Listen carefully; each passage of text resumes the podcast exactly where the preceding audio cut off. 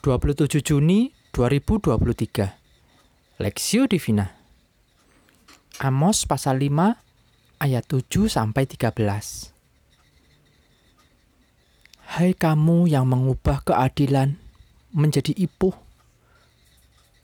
dan yang mengemaskan kebenaran ke tanah. Dia yang telah membuat bintang kartika dan bintang belatik yang mengubah kekelaman menjadi pagi, dan yang membuat siang gelap menjadi seperti malam. Dia yang memanggil air laut dan mencurahkannya ke atas permukaan bumi. Tuhan itulah namanya.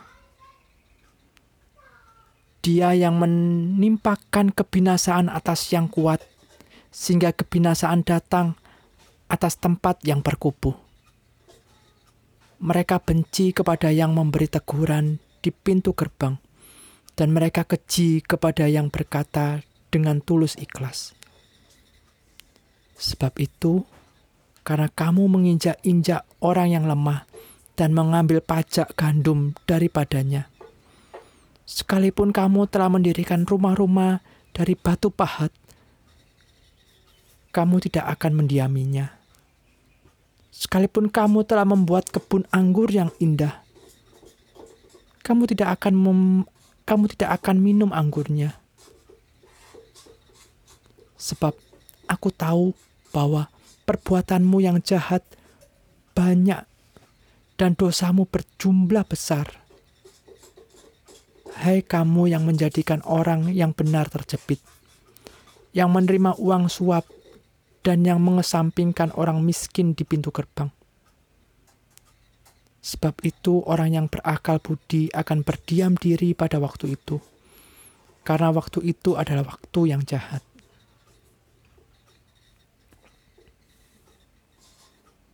Melawan ketidakadilan perspektif. Hai kamu yang mengubah keadilan menjadi ipuh dan yang mengemaskan kebenaran ke tanah Amos pasal 5 ayat 7. Saat melakukan misi perdamaian ke suatu negara, Paus Fransiskus mendesak gereja untuk bersuara melawan ketidakadilan. Gereja yang gereja tidak bisa netral.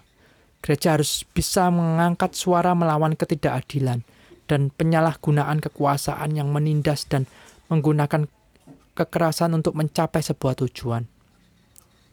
Hal yang sama juga diserukan oleh Nabi Amos dalam teks yang kita baca hari ini.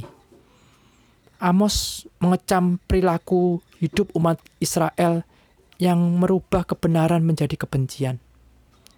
Membenci hakim yang jujur dan yang bicara dan yang bicara kebenaran di pengadilan.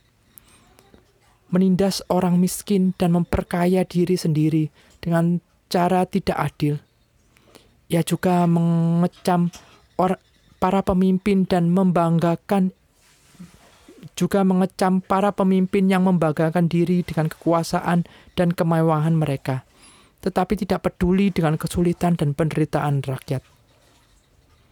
Amos menegaskan bahwa Allah membenci ketidakadilan dan kecurangan tersebut. Amos menyerukan agar mereka kembali kepada Tuhan dan meng mengubah cara hidup mereka yang tidak adil dengan melakukan apa yang benar dan adil.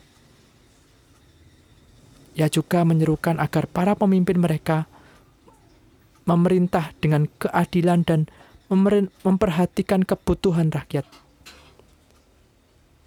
Jika mereka melakukannya, maka Allah akan memberkati dan memulihkan kondisi mereka.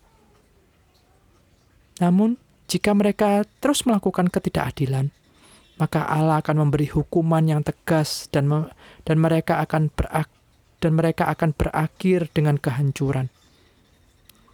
Hanya mereka yang mengasihi kebenaran dan melakukan keadilanlah yang akan bertahan. Demikian juga kita belajar mengutamakan keadilan dan kebenaran dalam hidup kita dan memperhatikan kebutuhan orang lain, terutama yang lebih terutama yang lebih lemah dan terpinggirkan. Kita harus menentang ketidakadilan dan korupsi di mana pun, dan juga berusaha untuk membawa perubahan positif dengan menyatakan keadilan dan kebenaran. Kita juga harus mengingat bahwa Allah adalah Tuhan yang adil dan mengutuk ketidakadilan. Oleh karena itu, sebagai umatnya yang taat, kita harus mengingatkan dan mendorong satu sama lain untuk hidup dalam kebenaran dan menjalankan kehidupan yang adil dan baik di hadapan Allah dan sesama. Studi pribadi sebagai umat Tuhan, apakah yang harus kita lakukan untuk melakukan keadilan dan kebenaran? Pokok doa Doakanlah agar orang percaya dimampukan Tuhan untuk dapat melakukan kebenaran dan keadilan di dalam kehidupannya sehari-hari.